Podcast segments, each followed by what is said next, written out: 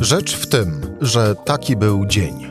Cezary Szymanek, zapraszam na codzienny podcast Rzeczpospolitej. Poniedziałek, 10 stycznia. COVID-19, drożyzna, Polski Ład, Pegasus, pisarz Żulczyk uniewinniony za debila, a kurator Nowak zostaje za medyczne eksperymenty. Jak na kilkanaście dni przełomu 2021 i 2022 roku rzeczywistość dostarczyła wielu i to niespodziewanych emocji, o czym zresztą e, świadczy e, fakt uśmiechu na twarzy mojej gościni już e, za chwilę. E, państwo tego nie widzą, ale zapewne zaraz usłyszą. A to dopiero początek, bo w grę, bo w grę wchodzi władza, szanowni państwo. Zuzanna Dąbrowska moim gościem już za chwilę, rzecz w tym, że zapraszam Cezary Szymanek. Słuchaj na stronie podcasty.rp.pl. Włącz Rzecz w tym w serwisie streamingowym. Zuzanna Dąbrowska, e, redaktorka e, dział polityczny Rzecz, Rzeczpospolita. Dlaczego się uśmiechnęłaś, jak e, wyczy, wyczytywałem te słowa klucze do rzeczywistości w ciągu właściwie ostatnich trzech tygodni, prawda? Bo to rzeczywiście są takie pucle, z których ktoś próbuje ułożyć obrazek, ale jeszcze etap jest taki, że nie bardzo widać, co na tym obrazku jest, e, tylko każdy z kawałków parzy w palce. A który z nich najbardziej, Twoim zdaniem, w chwili obecnej?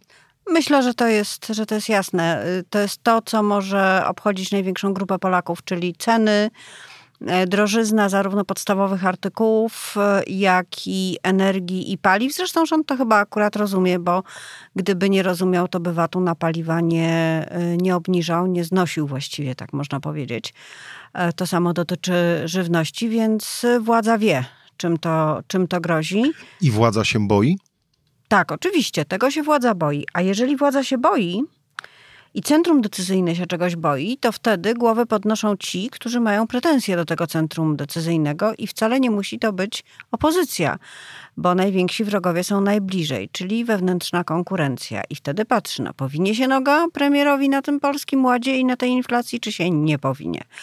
E, I zaczynają się różne chaotyczne ruchy, najczęściej dotyczące kadr, personaliów, różnych wypowiedzi, różnych tweetów. Rozumiem, że tu nawiązujesz teraz do słynnej już y, sprawy, aczkolwiek dla y, samej y, zainteresowanej, czyli kurator Nowak, pozdrawiamy Kraków, która no, zostanie na swoim stanowisku kuratora, małopolskiego kuratora oświaty e, za słowa wypowiedziane w wywiadzie e, w Radiu Z, e, że szczepionki są niedobre, bo to są medyczne eksperymenty. Mm, no i no właśnie, na stanowisko zostaje, ale w międzyczasie cała sprawa doprowadziła do różnorakich kuriozalnych wydarzeń nawet takich, że aż wszyscy na przykład jak między znajomymi podawaliśmy sobie tweeta pani Beaty Mazurek, to zastanawialiśmy się w pewnym, w pierwszym momencie, czy, y, czy to jest, znowu, nazywając rzecz po imieniu, czy to alko-tweet tak zwany.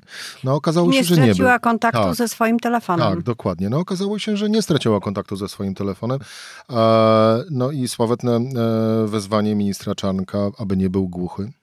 No tak, ale dzisiaj mamy następną wiadomość, y, że minister Czarnek nie jest głuchy, albowiem zamieścił na Twitterze zaświadczenie o tym, że słuch jest E, u niego bardzo dobry, co współgra z kolei z przecięciem sprawy przez wicemarszałka Sejmu Ryszarda Terleckiego, który właśnie oświadczył, że pani kurator nie będzie odwołana. No więc Czarnek, minister Czarnek bardzo dobrze słyszy i e, liczne są na to dowody. To spróbujmy e, te uszczypliwości, złośliwości, yy, takie nastoletnie yy, przezywania się na Twitterze przebić na yy, ten polityczny język. Beata Mazurek kontra minister Czarnek w przestrzeni publicznej to świadczy o czym?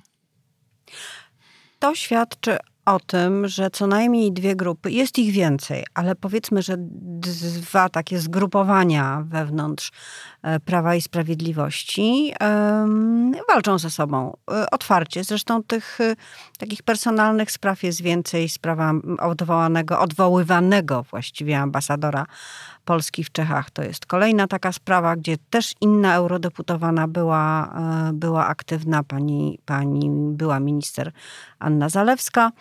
E, a z drugiej strony są ci, którzy tworzą rząd, którzy są e, mniej lub bardziej ludźmi premiera Mateusza Morawieckiego, mniej lub bardziej, bo na przykład Jacek Sasin to chyba nie jest y, najlepszy przyjaciel obecnego premiera, no ale można powiedzieć, że, że, że ta ekipa, ekipa rządowa broni swoich pozycji. Nic dziwnego, bronią i sprawy, i stanowisk jednocześnie.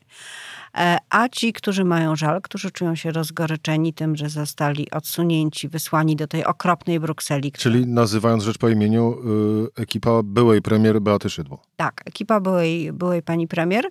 E, bo y, ekipa ta zyskała w tej wewnętrznej walce jeszcze jednego potężnego jak na wewnętrzne rozgrywki sojusznika, czyli Solidarną Polskę. Oni grają razem, podają sobie piłkę. Y, przeszkadza w tym e, minister Czarnek, mimo że właściwie jeśli chodzi o światopogląd, to nie tylko ma zbliżony, ale nawet przebija ich w takim prawicowo-populistycznym radykalizmie, co jeszcze tylko bardziej Mm, pewnie tamtą stronę gniewa, bo zabiera taki tytuł Solidarnej Polsce do występowania jako właśnie jedyna prawdziwa, radykalna i konsekwentna prawica antyunijna.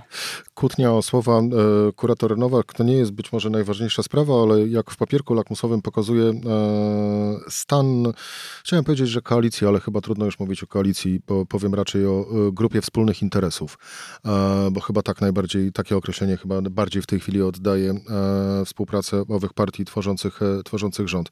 Ale o wiele ważniejsza kwestia to, no właśnie, raz, że drożyzna, czyli wysoka inflacja, ale przede wszystkim Polski Ład. Mm. Premier Mateusz Morawiecki straci fotel wskutek Polskiego Ładu? To jeszcze nie jest przesądzone. Mamy teraz do czynienia z takim e, z taką bijatyką, przepychankami w kolejce do ucha prezesa. Czyja opowieść wygra?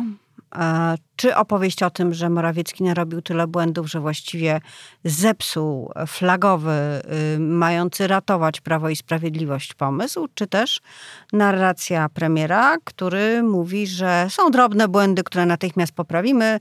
Program jest bardzo poważny, kompleksowy, wiele ustaw. Tylko księgowi nie rozumieją. Tylko księgowi nie rozumieją, ale nawet jak nie rozumieją, no to my to zaraz tutaj zamieciemy, naprawimy, dołożymy jeszcze pewnie parę groszy, bo to się musi w kilku przypadkach tym tym skończyć e, i będzie dobrze. Wydaje mi się, że teraz przewagę mają e, przeciwnicy premiera, pewną przewagę, ale nie jest to, nie jest to przesądzone. Dlatego trudno powiedzieć, jakie będą losy Mateusza Morawieckiego. E, I dlatego myślę, że czeka nas bardzo nerwowy okres, takiego końca epoki, epoki twardego PiSu, takiego PiSu spiżowego teraz są ruchy y, wewnątrz, które bujają łódką y, bardzo mocno. Y, różne rzeczy mogą z tego wyjść. Terminowe wybory mogą wyjść, czy też... Mogą wyjść. Czy też raczej wyjdzie mm, dotrwanie do końca ustawowego terminu wszelkimi możliwymi sposobami i za wszelką możliwą cenę, ale oczywiście nie za własne pieniądze. Kiedyś jechałam autostopem i pewien kierowca ciężarówki, który mnie zabrał, wyłożył mi swoją teorię polityczną. Powiedział tak. Ja to uważam, że wybory powinny być co pół roku. Ja mówię, czy pan oszalał? Co pół roku? Tak, proszę pani, bo wtedy e, co pół roku będzie się zmieniała ekipa, będą na nowo obsadzać te spółki Skarbu Państwa, te wszystkie ministerstwa, wszyscy się załapią, dostaną odprawy potem przyjdą następni i spokój będzie, bo się zajmą zarabianiem tych pieniędzy i nie będą człowiekowi krwi psuć. I ja myślę, że to jest trochę teraz taka sytuacja, że być może y, w perspektywie wyborów w normalnym terminie E, jest 2023. Bardzo, tak, jest bardzo wiele osób, które chciałyby się jeszcze załapać, które chciałyby zmiany układu. Ludzie e, Mateusza Morawieckiego są naprawdę w bardzo wielu spółkach, szczególnie ci, którzy wpłacali na jego kampanię, co znakomicie pokazał TVN24. Mm, I y, są tacy, którzy wiedzą, że jak to wszystko będzie tak jak jest, to oni się nie załapią na żadne frukta, a być może, co jest wysoce prawdopodobne, wybory zostaną przegrane. I to jeszcze bardziej wzmacnia tę konkurencję między frak frakcjami w PiSie. Są jeszcze głodni, okazuje się. Mówiliśmy, że PiS jest taki syty, że, się, że już się zrobił leniwy. Nie, no tam cały czas są tacy, którzy już zdążyli zgłodnieć, bo stracili władzę na przykład, albo jeszcze się nie załapali. No a z drugiej strony nie wiadomo, kiedy y, przyjdzie mm, po y, ewentualnej y, przegranej, kiedy później przyjdzie znowu być nie w opozycji, a w sferze rządzącej. A Pegasus? Kogo Pegasus wytnie? Nie sądzę, żeby teraz wyciął kogokolwiek. Może być to instrument w wewnętrznych rozgrywkach, zresztą już się nim stał dzięki prezesowi, którego użył. On, prezes użył Pegasusa do e, pogrożenia palcem Zbigniewowi Ziobrze. E, I myślę też, że trochę do uspokojenia e, swojego ulubionego ministra spraw wewnętrznych i zwierzchnika wszystkich możliwych służb. Niektórzy się śmieją, że także gdyby mógł, to by takich strażników muzealnych E, przejął, bo, bo, bo chce mieć wszystkich. E, czyli oczywiście Mariusz e, Kamiński. Więc prezes użył i czeka. Będzie się coś działo, czy nie? Jeśli się nie będzie dalej nic działo, jeśli te analizy, które zostały zlecone w następnych telefonach, a chyba kilkadziesiąt telefonów jest teraz badanych, nie przyniosą żadnych efektów, no to, to nie, to po, Pegasus będzie jedną z wielu spraw, które wzbudziły zainteresowanie e, opozycji, a nie specjalnie wzburzyły e, społeczeństwo, które e, uważa generalnie, że, że tak, że władza podsłuchuje. To nie jest tak, że ktoś w to nie wierzy. Nie. Władza podsłuchuje. A czy podsłuchuje opozycja? Podsłuchuje. A ludzi podsłuchuje? No tak. I co z tego wynika? No nic. No bo tak naprawdę na koniec dnia e, ten e, przeciętny i statystyczny e, wyborca, pozdrawiamy, bo fajnie jest być przeciętnym i statystycznym wyborcą. Zawsze chciałam poznać. Prawda? No to tak naprawdę dla niego na koniec dnia jest ważne to, od czego zaczęliśmy, czyli inflacja, drożyzna, Polski Ład, czyli tak naprawdę to, ile ma, ile ma w portfelu. To raz jeszcze na, na koniec, bo ta walka o rząd dusz po prawej stronie, e, no chyba wchodzi w ten powoli w kulminacyjny, w kulminacyjny moment. E, metody e, różne, narzędzia również różne, ale no właśnie, inflacja, drożyzna, Polski Ład, to będą te gwoździe do trumny? Mogą być, mogą być, ale na... Mogą. Będą czy nie? to naprawdę zależy od wypadków przy pracy. Na tym polega y, y, urok i jednocześnie dość przerażający obraz schyłku, epoki, epoki schyłkowej, że drobne zmarszczenie tafli wody y, może spowodować, że właśnie tak, że okaże się, że to inflacja i Polski Ład zamordują ten rząd. A może być też tak, że władza się będzie zgrywać, robić różne błędy, kłócić się wewnętrznie, doprowadzi do, do wyborów i dopiero wtedy władza zostanie przejęta w normalnym trybie, bez jakichś specjalnych, masowych wystąpień.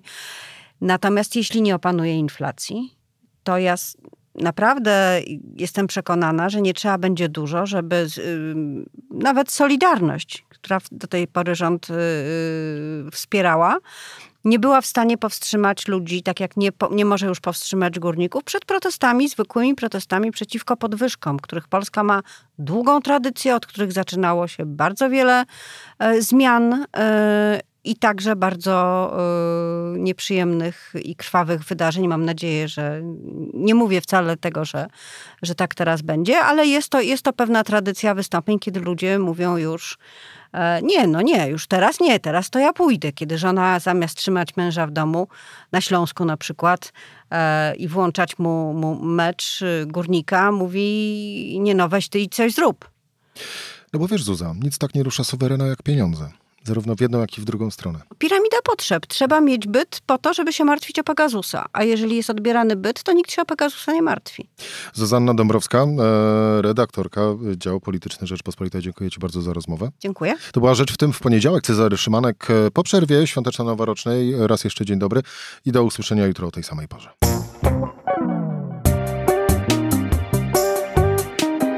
Rzecz w tym to codzienny program Rzeczpospolitej. Od poniedziałku do czwartku o godzinie 17. Słuchaj na stronie podcasty.rp.pl. Włącz Rzecz w tym w serwisie streamingowym.